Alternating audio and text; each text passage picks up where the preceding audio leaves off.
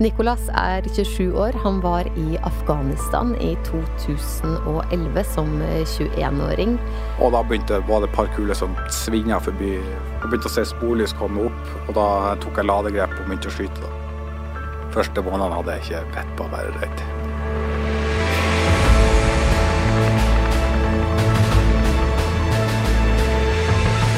Hvordan vil du beskrive den 20-åringen som fikk beskjed om at han skulle til Afghanistan? Hvordan var du på den tida?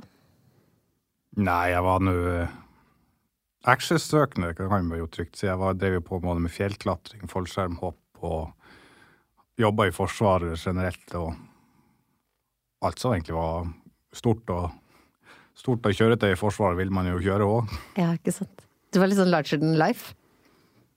Ja, kanskje udødelig. Ikke det man kan beskrive seg. Når man er 20 år, så er man udødelig, og ingenting er farlig, og ingenting er skummelt. Ikke sant. Så hvordan eh, reagerte du da, da du fikk beskjed om at du skulle til Afghanistan? Nei, jeg var egentlig I starten så var jeg jo bare Hva man skal si, rett og slett begeistra for å skulle få lov å gjøre de jobben som man trener på hjemme i Norge, i en skarp situasjon. Um, det gikk vel en dag, og så ringte jeg min mor og fortalte om at man skulle ut, og da Det var jo egentlig ikke Hun var jo ikke sjokkert, hun, da, for at jeg hadde jo snakka om enten å bli brannmann eller soldater etter 11. september. Jeg så jo De fleste i Norge satt vel og så på CNN og fikk med seg alt som skjedde der. Ja. ja så da du så, så det som skjedde på 11. september, så tenkte du det her er noe for meg? Nei, det var mer det at jeg ville gjøre noe. Altså, jeg ville ikke sitte hjemme og ikke ha hva man skal si, jeg ville ha en meningsfull jobb der jeg kunne hjelpe noen. Og sorry to say, så har jeg ikke hodet til å verken bli sykepleier eller lege eller noen ting, så da var var det enten brannmann eller soldat. Og det ble Da var jeg jo veldig heldig da og fikk muligheten til å bli yrkessoldat mm. etter førstegangstjenesten i 2009. Hva er det som får en 20 år gammel gutt fra Henningsvær til å dra fra liksom det tryggeste landet i verden til krig? Nei, det er egentlig lyst til å hjelpe. Gjøre en forskjell på ting du ikke kan. Eh, altså, du kan ikke gjøre en forskjell hjemme i Norge. Tror jeg veldig mange vil si. Det var ikke bare hva man skal si, skyting og sprenging, og det var kult. Det var rett og slett det at man ønska å gjøre en forskjell. Ikke sant? Hvordan var det å ringe til mamma? Var det sånn at du liksom venta litt? Du sa du venta et døgn. Var det bevisst? Ja, det var litt for å tenke litt og gjøre opp litt vurderinger sjøl underveis. da. Hvordan, hvordan eh, kommer dette til å bli? Og så må man jo ta én ting av gangen, da. Så du lot det synke inn litt, og så tenkte du nå, nå er jeg klar for å si til henne? Ja, det er jo litt hva man skal si. Man vil jo ikke være supergira når man ringer morse og forteller at jeg skal ut i krig. Så er litt sånn For det er jo samtidig òg, det er jo en prosess da man skal igjennom òg før man blir valgt til å dra ut utenlandsoppdrag òg. Det er jo Jeg vil ikke si at det er ut av de beste, men altså det er jo Det er jo kun kremen som sendes nedover, da de som må være hjemme og trene mer, de blir hjemme, og de som får lov å reise ned, de som er klar for å reise ned. Så sjøl om du bare var 20 år, så var du på en måte en rå soldat? Du hadde liksom alle forutsetninger for å Rå, og rå hvis jeg vil jeg nå ikke egentlig si. Jeg var nå mer i en tropp som hadde utrolig mye dyktige soldater. Ja. Altså vi var Alle var dyktige på hver sitt punkt, og det gjorde at troppen eh, Hva man skal si, troppen i seg sjøl var en veldig sterk tropp. Var, det er ingen som er bedre enn de andre, det, enn det svakeste ledd. Min jobb var jo å være skytter på bilen, og det vil jo da si, for de som ikke vet det, å stå opp på taket med maskingeværet og beskytte bilen. Men eh, jeg kan jo ikke gjøre jobben min hvis vognføreren ikke klarer å gjøre jobben sin, og ikke lagfører klarer å gjøre jobben sin igjen. Så Du, du var i Afghanistan i seks måneder, i 2011. ja. Husker du noe fra de dagene før du reiste ned? Ja, det var jo litt spesielt, da, for jeg fikk jo eh, kjæreste i slutten av 2010, da. Og eh, det ble litt sånn herre Hva man skal si, det ble plutselig litt mer sånn Når det begynte å nærme seg, så begynte nervene å komme. At liksom er det ikke sikkert at dette går bra. Vi må jo faktisk være forberedt på at det kan gå dårlig. Da hadde jo eh, både Det året før hadde jo både Jokke og eh, de fire fra Kystjegerkommandoen dødd, mer eller mindre på samme år. Ja. Så vi, det var jo Vi visste jo at spenninga i Faryab-provinsen var høyere da, enn hva det hadde vært. da. Så vi var jo klar over at det vi møtte var, Jeg vil ikke si vi var Jeg var i hvert fall ikke helt klar, men vi kom til å bli møtt med ganske mye. da. For at uh, Norge hadde signalisert at nå skulle vi trekke oss tilbake. og da pusha Taliban litt hardt for å liksom skulle se ut som at de hadde jaga oss ut. da. ja, ikke sant. Du, for de som ikke husker Jokke, kan du ikke fortelle hva, hva, hva som skjedde med han? Eh, Jokke kjente jo ikke jeg personlig, da, så det skal jo si, si, sant sies. Men han eh, kjørte, var jo vognfører på en CV90, en stormpanservogn. Og eh, nede i Kormak-distriktet, eller det helt vest, sørvest i Faryab-provinsen, de kjørte jo da Skulle da kjøre over et eh, et vadi, eller et elveleie som vi kaller det. Og da hadde Taliban gravd ned ei veibombe, og den gikk jo av, da. Så Men som sagt, jeg kjente ikke han personlig, og jeg var jo ikke med på den operasjonen, så jeg kan ikke si noe mer enn det alle andre vet. Nei, men du hadde på en måte Det, det var noe som var i bevisstheten eh, før dere reiste ned.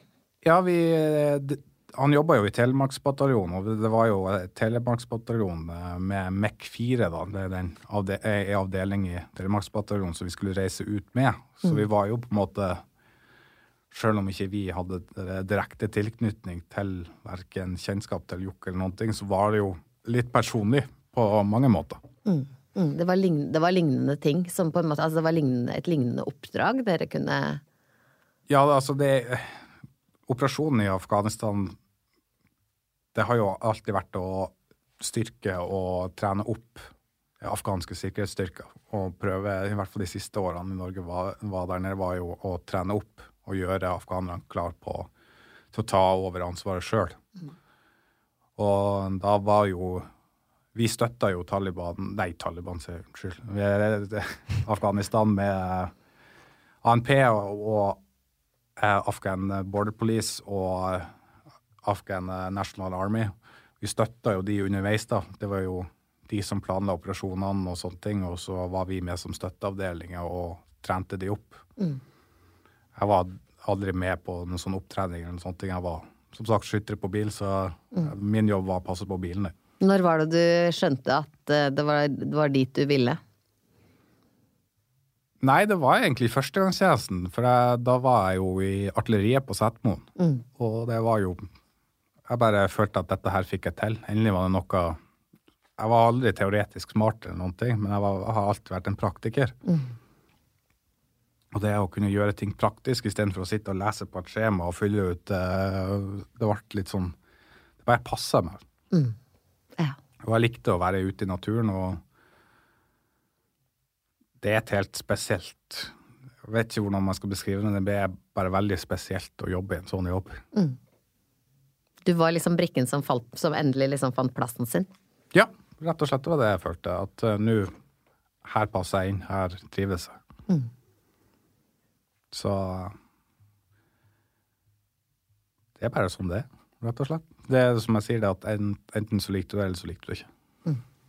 Du, hvordan var turen, eh, hvordan var turen eh, ned? Å, den var lang og trang. Når du skal prøve De var jo det her Jeg husker ikke hva det flyselskapet var, men det var jo Humbug Airlines? Det var nesten sånn som Banana Airlines. det var jo et nederlandsk flyselskap, da, som billigselskap, da, som hadde bare fire fly, jeg tror, jeg tror jeg det var. Og eh, hvis man syns det er trangt i setene på Norwegian, så kan du prøve å sette deg inn i det flyet. Jeg satt jo mer eller mindre med knærne oppå nakkestøtta til han foran, for det var så trangt. Så jeg endte jo opp med å sitte i midtgangen og spenne bein på den stakkars flyvertinna hver gang hun gikk forbi, for at jeg skulle få plass. Det var vel tre og en halv, fire timer vi fløy ned til Tyrkia, og så var det siste biten over til Afghanistan. Ja. Og hvordan var stemningen da? Var det liksom alvorstinga, eller var det liksom kule gutter på tur? Nei, vi fløy jo eh, Når du fløy ned, så fløy du jo på kvelden. Så du landa jo i Afghanistan klokka seks om morgenen. Så folk var jo egentlig trøtte og lå og prøvde å sove så godt de kunne. Denne podkasten er sponset av The Long Road Home. Se premieren på National Geographic søndag 5. november klokken 22. Så da kom du ut eh, av flyet klokka seks om morgenen? Ja, vi landa vel halv seks, tror jeg det var. Ja. Og da gikk jeg ut av flyet, og da Det første som slo meg, var jo den sinnssyke varmen allerede på morgenen. Jeg trodde jo det var flymotoren, men eh, etter å ha fått gått 50 meter og kommet bort fra flymotoren, så var det jo like varmt. Så de første dagene var det jo jevnt og trutt over 48 grader i skyggen. Såpass, ja. Det var jo midtsommers i Afghanistan. Ja. jo- Husker du liksom luktene og Husker du noe av det? For de som har vært i Egypt For jeg var jo i Egypt etter Afghanistan. Den her, det er den her rare sandlukta blanda med eselmøkk og you name it. Rett og slett. Det lukter helt sånn spesielt. Hvordan var det å være der? Husker du hva du tenkte eller følte, eller angra du, eller var du spent, eller? Nei, det- det var litt sånn her blanda òg, for at eh, jeg var jo en av de siste som reiste nedover da, fra troppen vår. Så de andre var jo, eh, andre var jo allerede ute på første oppdraget. Det kalles en sånn handover takeover-oppdrag, der du da, de som har vært der, da viser litt, eh, introduserer deg for de lederne, og du introduserer deg for sånn her har vi, dette har vi gjort, og dette var målet med det. så vi var jo da i leir tre dager da før de kom inn. Og da var det jo blant annet en amerikaner da som tok sjølmord i leiren. Ja. Og så eh, Det var jo da nå blander jeg litt. Først så var det jo det at den ene første bilen som ble truffet av eh, rakettdrevet granat på første oppdraget I din tropp? Nei, ikke i min tropp. Nei. I, i, i, I fottroppen. Ja. De, det jo da De hadde da blitt truffet i eh, foran på bilen, da, med RPG. Så det var jo første da at oi, det, det skjer noe. Og det ble jo skriverier i media om det. Og så rett etterpå, da var jo da han amerikaneren eh, tok livet sitt. Det var først da det egentlig slo meg at nå, dette her er the real deal. Dette er ikke noe det er ikke noen søndagstur ute i, ute i feltet på Rødsmoen. Nei, ikke sant. Men det her, var, det, det her var rett etter at du hadde kommet ned, eller var det Første uka. Ja, første uka, ja. Så skjedde dette her. Så det var Det var en brutal oppvekting, rett og slett. Og da husker jeg da at jeg satt meg rett etterpå og eh, Etter vi hadde da stilt opp og fulgte båra til, amerikaneren ut av leiren da og på flyet, så Så husker jeg at jeg gikk på rommet da og satte meg ned og skrev testamentet og, eh, fortalte lagføreren min hvor, hvor det lå hen, og alt var klart da. At hvis det skulle skje meg noe. Så det var jo da man oppdaga at det ikke var, som sagt, en søndagstur. Ja. Du skrev testamentet, ja, første uka etter det. Hvilken 21-åring er det som gjør det i Norge? Nei. Var du redd? Hadde ikke vett å være redd ennå. Jeg ble redd litt lenger ut i operasjonen, men første måneden hadde jeg ikke vett på å være redd. Nei. Nei. Rett, rett og slett, det var liksom sånn Jeg vet ikke hvordan man skal beskrive det. Vi var jo der nede i tre måneder i strekk før vi reiste hjem i to uker. Og da blir det sånn Det blir så lenge til du reiser hjem, da, at du tenker ikke noe over det, og da blir det litt sånn status quo. Det blir sånn ja, ja, skjer det noe, så skjer det noe, men det er ikke noe så, så farlig, da. Men det, når du begynner å nærme deg når du skal hjem, det er da du begynner å Jeg følte i hvert fall hver gang at når du begynner å bli redd at oi, nå er det bare en uke til jeg skal hjem, nå må det ikke skje noen ting. ikke sant? Ja, nei, det, er, det er rart å se for seg på en måte en, en eh, ja, 21 år, og jeg må ned og gjøre en forskjell. Og så første uka så Ja, så skjer det så alvorlige ting, da, at jeg prøver å liksom sette meg inn i hvordan det hvordan det kan være å oppleve det. Ja, vi var jo Det gikk jo egentlig ganske fort, da. Før vi da var ute på eh, Jeg tror det tok fem dager og sånt før jeg reiste ut på første oppdraget. Da vi fikk utlevert bil. og Bilen vår funka ikke helt. Jeg hadde da en sånn um, I starten så hadde jeg en sånn remote weapon station. Det vil si at du egentlig sitter med styrestikket inni bilen, joystick inni bilen. Ja. og Så ser du på en skjerm, og så har du våpenet montert på, uh, på taket da, med kamera og termisk kamera og de som ikke vet hva termisk kamera er, det er varmesøkende kamera, kamera og dagkamera og laseravstandsmåler og litt sånt forskjellige ting, da. Mm.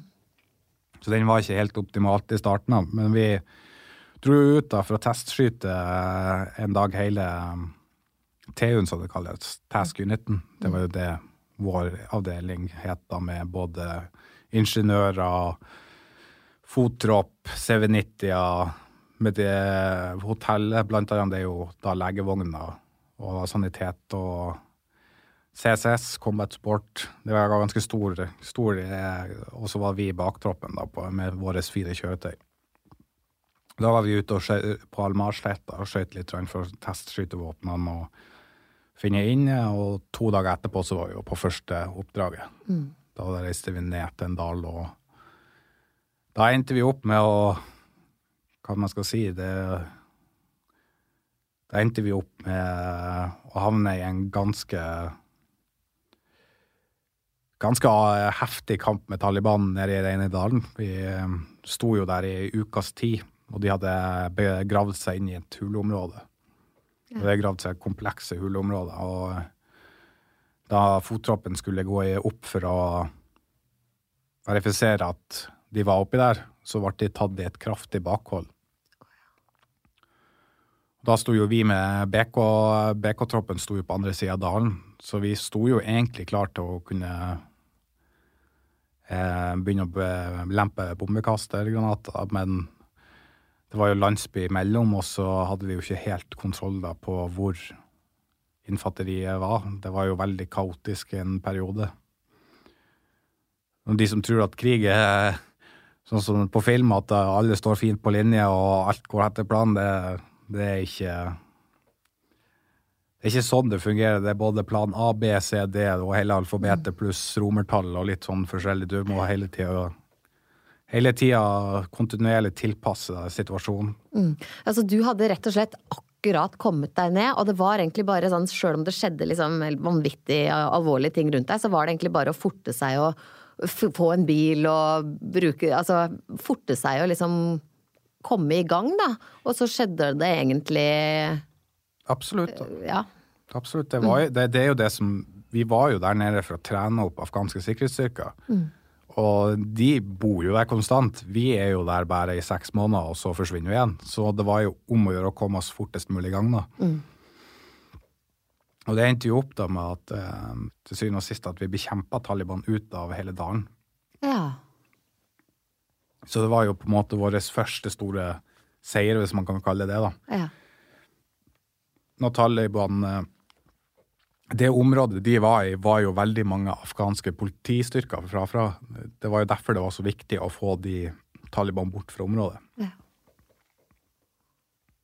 Og de hadde jo også stått og lempa raketter på leiren. For de første måneden halvannen så var det jo veldig uh, ofte rakettangrep over leiren. Mm. Det er en grunn for at veldig mange soldater sier at, uh, i Afghanistan sier at Gud er norsk. For at vi har hatt mye, mye flaks. Mm. Veldig mye flaks. Mm.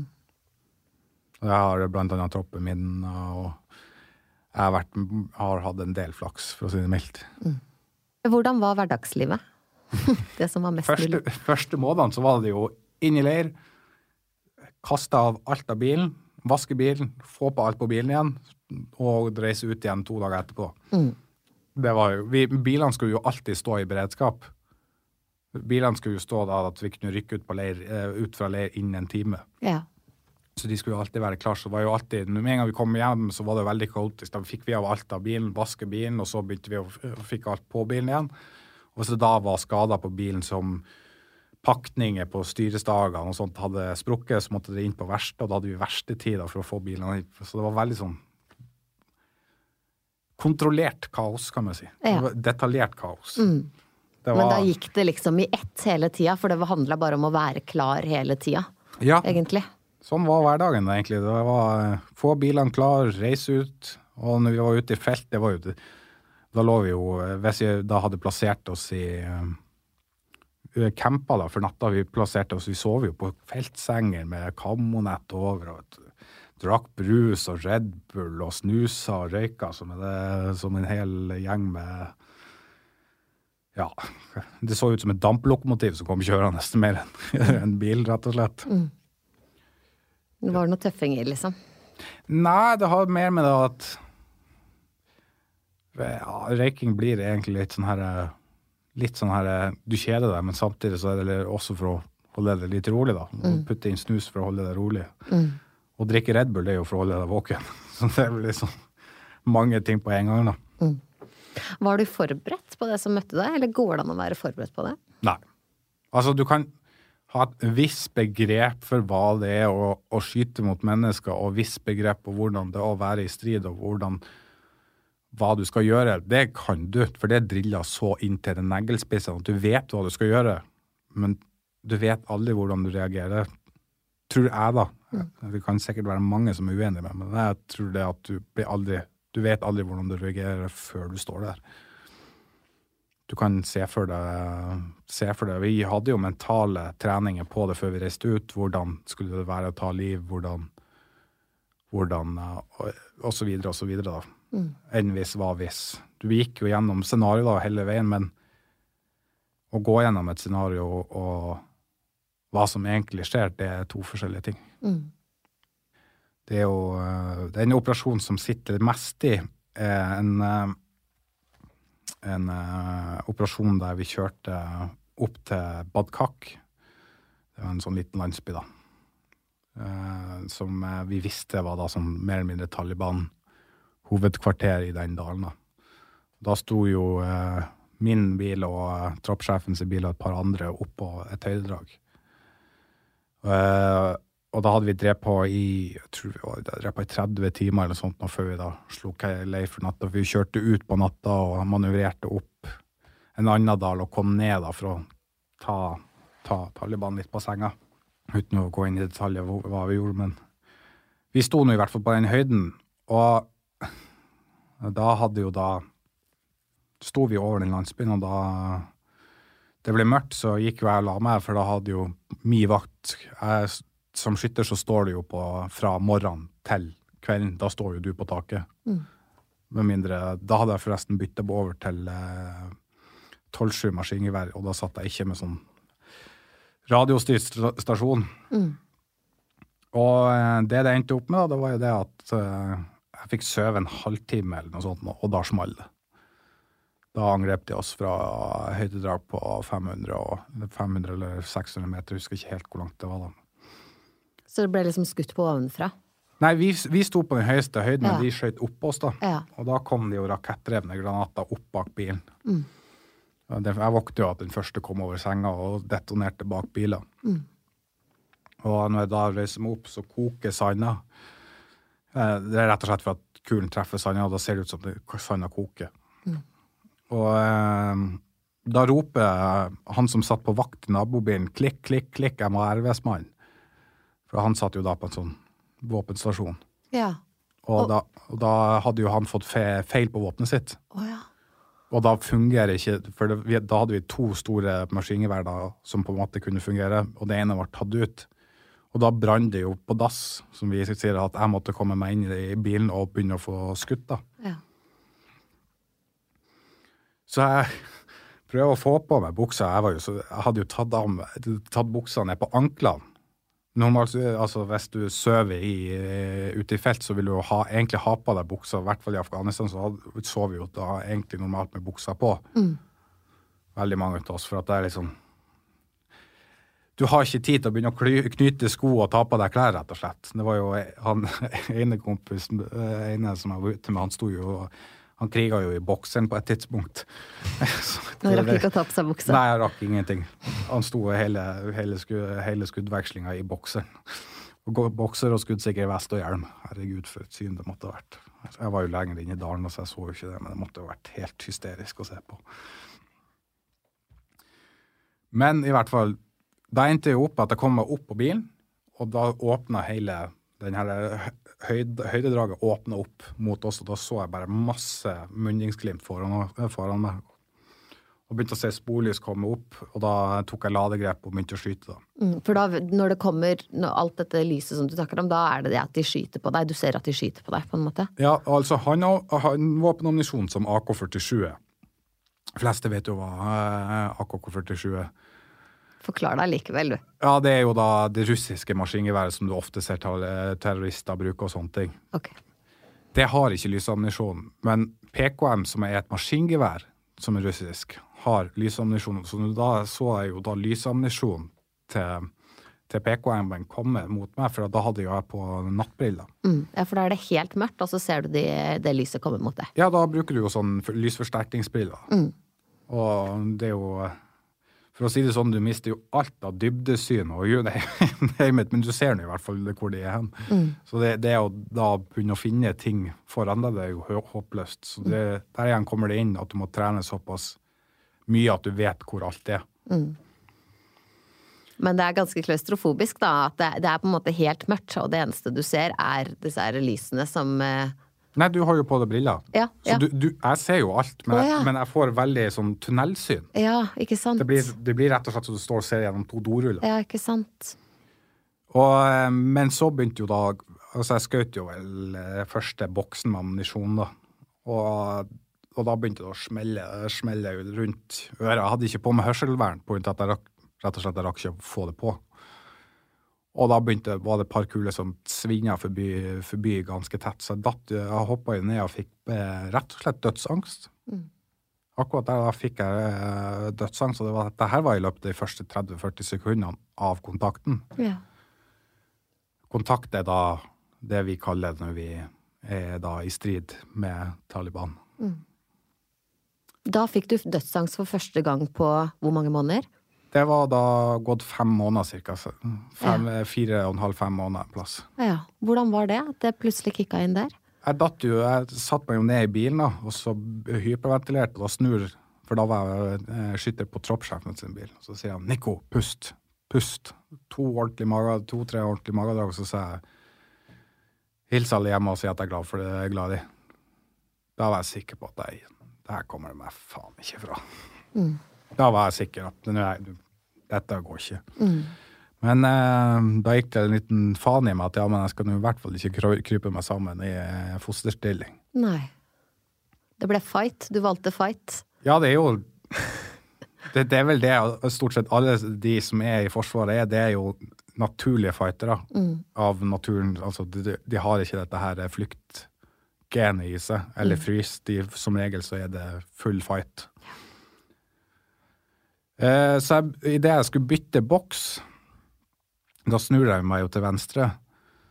Og da smeller det noe inni grans... Jeg kjenner bare noe som forsvinner. forsvinner et sånn vindpust, rett og slett. og Det kjennes ut som slow motion. Altså. Forsvinner forbi hø, hø, høyresida på huet mitt. Og så smeller det noe inni granskauen i øret. Så jeg mister jo hørselen på høyreøret. Og da, var det rett og slett da, enten ei kule eller hva det er som forsvant rett forbi huet på meg. Og det hadde da kanskje Da kommer jo dette her inn. da. De her, du må være god for å ha flaks. Det var kanskje bare snakk om et par centimeter unna kula var. Og hadde ikke jeg snudd meg da, så hadde jeg kanskje blitt truffet.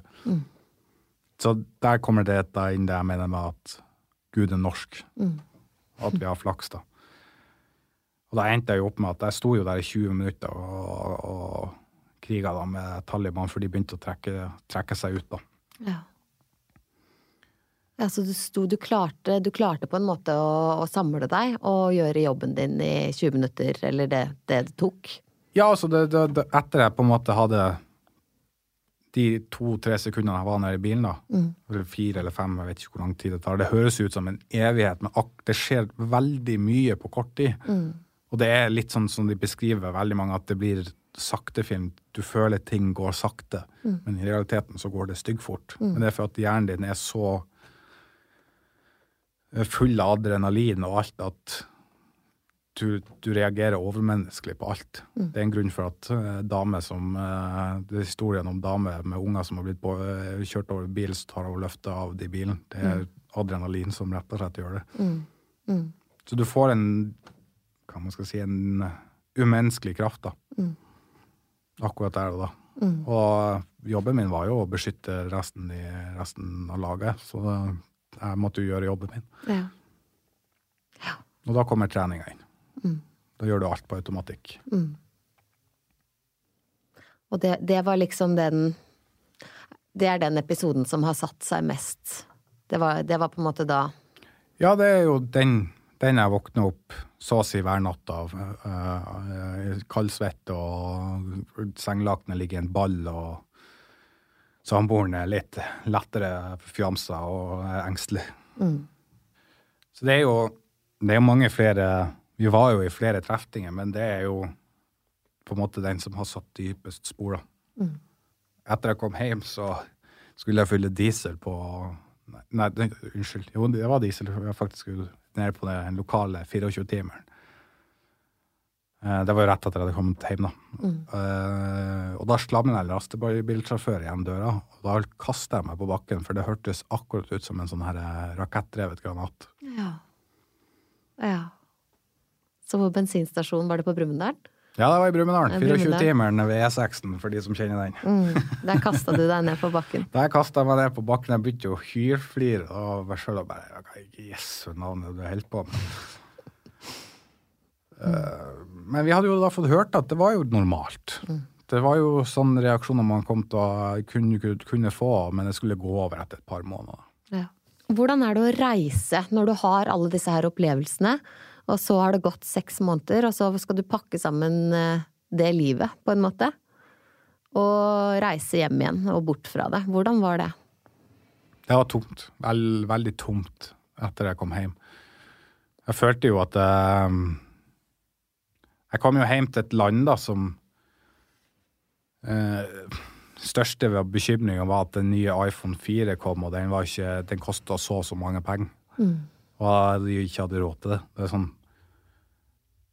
Det er liksom det dere bekymrer dere over. Og hva, hva, hva, hva, eh, hva ungene skal ha med seg i barnehagen. Det er liksom sånn. Det er det dere bekymrer dere over. Du kjente på meningsløshet? Ja, altså alt var, alt var bare meningsløst. Og så Hun jeg var da kjæreste med da før Før jeg dro til Afghanistan. Vi ble jo samboere mens jeg var i Afghanistan. Og når jeg kom hjem, vet du, hun ville jo ut på ut på byen og ut og feste og ut og reise og besøke folk og sånne ting. Men det er apatisk det heter når rett og slett du bare du er kobla helt av. Jeg satt foran TV-en og så på Discovery og spiste potetgull og drakk bruse. Det var det eneste jeg hadde energi til. Så det forholdet gikk jo i dass da etter hvert, da, på grunn av at jeg var som, som jeg var etter jeg kom hjem. Jeg var jo en totalt forandra mann. Eh, Det er jo nå i ettertid, nå som Det tok jo meg Jeg kom jo hjem i desember 2011 og ble da sykemeldt januar 2014. Nei. Ja, var- jeg husker ikke 14, Desember eller januar, jeg husker ikke. 2013-2014. Altså du gikk flere år, egentlig, før du ble sjukmeldt? Ja, altså jeg ville jo ikke slutte å jobbe. Jeg, ville, jeg trivdes jo i Forsvaret, og det var jo det jeg hadde, jeg hadde jo sett for meg karriere i Forsvaret. Jeg hadde jo begynt å ta ekstraskolering for å annet søke Sjøkrigsskolen. Ja. Ja så du, du fortsatte? Du fortsatte å liksom presse, presse på på et vis? Ja, det var, jeg- det var ingen andre enn Alle andre hadde problem, det var ikke jeg som hadde noe problem. Nei, ikke sant. Det er jo bare så enkelt. Men hvordan var det da, liksom, å, å komme hjem? For det må jo jeg bare prøver å sette meg inn i det, Når man har vært der i varmen med alle de opplevelsene, og så komme hjem til det liksom vanlige og hjemlige og lukten av rundstykker og Altså, det må jo eh, Hvordan var det å komme hjem og alt var som vanlig og ingenting var som vanlig, på en måte? Min mor har jo da sagt blant annet de første åra jeg var hjemme, da, så var det sånn at hvis hun da slapp noen ting i um, brå lyder og sånn, så var jeg jo med en gang i krigsposisjon. Da var det jo, jeg var jo så påskrudd eh, egentlig ganske lenge. Sjøl etter jeg ble sykemeldt, så var jeg jo sånn brå lyder og sånne ting. Tok meg jo den tida jeg trengte for å roe meg ned, da. Men eh, jeg var jo som sagt, jeg hadde ikke noe problem med det. det var alle andre som hadde problemer. Jeg burna det ene forholdet etter det andre. Og Ja. Eh, Det var vel 2000, ja, det var vel 2013 da jeg hadde slet med vondt i magen siden mars-april. Ja. Og de hadde, legene hadde sett etter om det var kreft, om det var ny- nyrestein eller gallestein, eller det var noen problemer med levra og magesår og alt ja. i løpet av den høsten. Sjekka de for om jeg hadde det. Men så small det da i januar. Skikkelig. Jeg var sjukmeldt i to måneder før før, eh, før jul. Og så begynte jeg på jobb i januar, og da skulle vi på skimarsj. Og etter to dager på skimarsj var jeg helt ødelagt i magen og alt, så jeg måtte bare reise inn til leir igjen. Og da, to uker etterpå det, da, så lå jeg i fosterstilling på kontoret og grein. Uten å helt egentlig skjønne hvorfor jeg lå og grein. Så hvor lenge var det etter at du hadde kommet hjem? To år. To år, ja. Så du gikk to, To år og var litt sånn sint og Sint og skvetten og litt, så bare litt sånn umulig. Men du, det var egentlig ikke noe du kjente på eller vurderte, liksom eh, Nei, jeg Nei. hadde med, med meg noe øl på kvelden og satt og drakk på, for meg sjøl inn på et rommet. Altså. Det var min løsning. Ja. Det siste um, Jeg kjøpte meg jo hund, av alle ting, i 2012. Mm. Og det er jo noe av det beste jeg noen gang har gjort. tror jeg. ja. Det virka som at underbevisstheten min sa at jeg trengte et eller annet.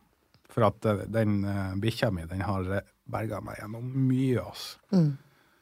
Den har berga meg gjennom mange ting. Så da la jeg jo egentlig mer eller mindre alkohol bort da jeg fikk hund, og litt sånn forskjellig. Og, og så ble jeg jo sjukmeldt, og da Jeg nekta jo fortsatt for at det var noe galt. ja. Jeg tok jo et halvt år i behandling før jeg på en måte innså at øy, ting er ikke normalt. Nei. Og i løpet av det året så hadde jeg jo, øh, så hadde jeg jo tre ganger der jeg var så deprimert. ene gangen hadde jeg gjort klart løkka bak i hagen og ringt min mor og sa at nå er nok nok. Så snakka hun med meg litt og fikk meg litt ut av det, og så tenkte jeg jo da at ja, men hvem skal passe på bikkja? Hvem skal ha bikkja? Hvem skal ha Buljo? Så Buljo har på en måte vært veldig sånn Buljo, da, hunden min, har jo vært veldig sånn her eh, Når ting har vært som mørkest, så kunne, kunne jeg liksom fokusere hvem skal ta vare på han. Mm. Og da liksom på en måte holde meg, holde Ja. meg igjen, da. Ja. Hvis det gir mening. Det være et anker, et anker tilbake til livet. Mm. Men han var liksom den som minna deg på at det, du vil jo egentlig ikke dø, på en måte, men du bare vil ikke leve heller, på et vis. Ja, altså Du blir jo så umenneskelig sliten av å ha mareritt ut i flere uker i strekk. Mm. På den minste så sover jeg kanskje fem timer i løpet av ei uke. Og det blir, blir, du blir jo steine tullete mm. til slutt. Mm. Og da er det liksom, da ser du jo ikke noe løsning. Det er jo rett og slett å gå og ta livet sitt. Det er det, det som blir løsninga. Mm. For at eh, jeg kjenner jo fortsatt på de, de følelsene en dag i dag, når, når ting røyner på sånn som de gjør. Og blant annet bare her for et par, par måneder siden, da, tre måneder siden, da hadde jeg en ny sånn dulp. da. Ting røyner så på at jeg ikke får sove og ikke klarer å spise ordentlig. Magen fungerer ikke. Eh, Jeg klarer ikke å fungere i et forhold, jeg klarer ikke å fungere som pappa. klarer, ingen, Ingenting går til. Det eneste jeg klarer, det er å sitte og se på TV. Det er det eneste jeg klarer. Da er det litt sånn Da kjenner jeg jo at den følelsen kommer igjen, at åh, da hadde det vært like greit å slippe. altså. Og mange spør meg da, ja, hvis du fikk velge mellom, eh, mellom å miste en fot eller hatt PTSD, hva ville du ha valgt? hvis jeg hadde mista begge beina og armene hvis jeg hadde sluppet unna å ha det sånn i huet. For at det er blant annet, folk ser ikke det som er i huet. Folk ser at du har mista en fot eller en arm. Mm.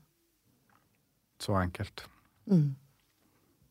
Er det vanskelig å liksom orke det for deg sjøl også, når det ikke synes utad? Du tenker liksom at nei, nei, jeg burde ikke, jeg burde ikke sitte her med den potetgullposen nå, nå har det gått så lang tid, og skal det aldri liksom Nå må jeg skjerpe meg. Det er litt vanskelig å si. altså Når du, når du blir så sliten og du blir så deprimert Jeg går jo både på angstdepressive, og jeg går på eh, Jeg går jo også på eh, psykosemedisiner når jeg trenger det, for å dempe marerittene. Du sa at eh, da du kom inn i Forsvaret, så var det som om brikken falt på plass.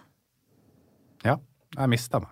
Jeg mistet, det, det føler jeg jo egentlig litt grann en dag i dag, men nå har jeg jo fått to jenter, så jeg har jo fått noen brikker da, som gjør at jeg føler at eh, kan man si da, min jobb nå er å være pappa.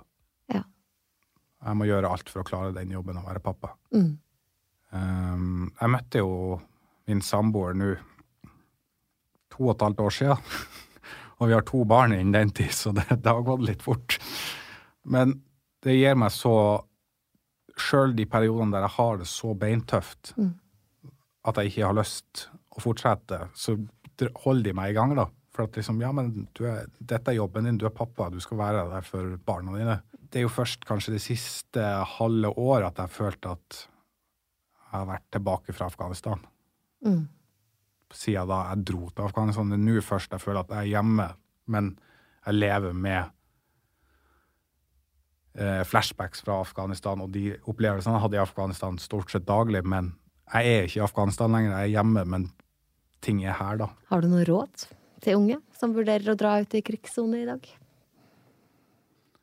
Ja, altså vi, vi trenger jo folk. Altså det Forsvaret, forsvaret trenger folk og, eh, til som er villige til å reise ut.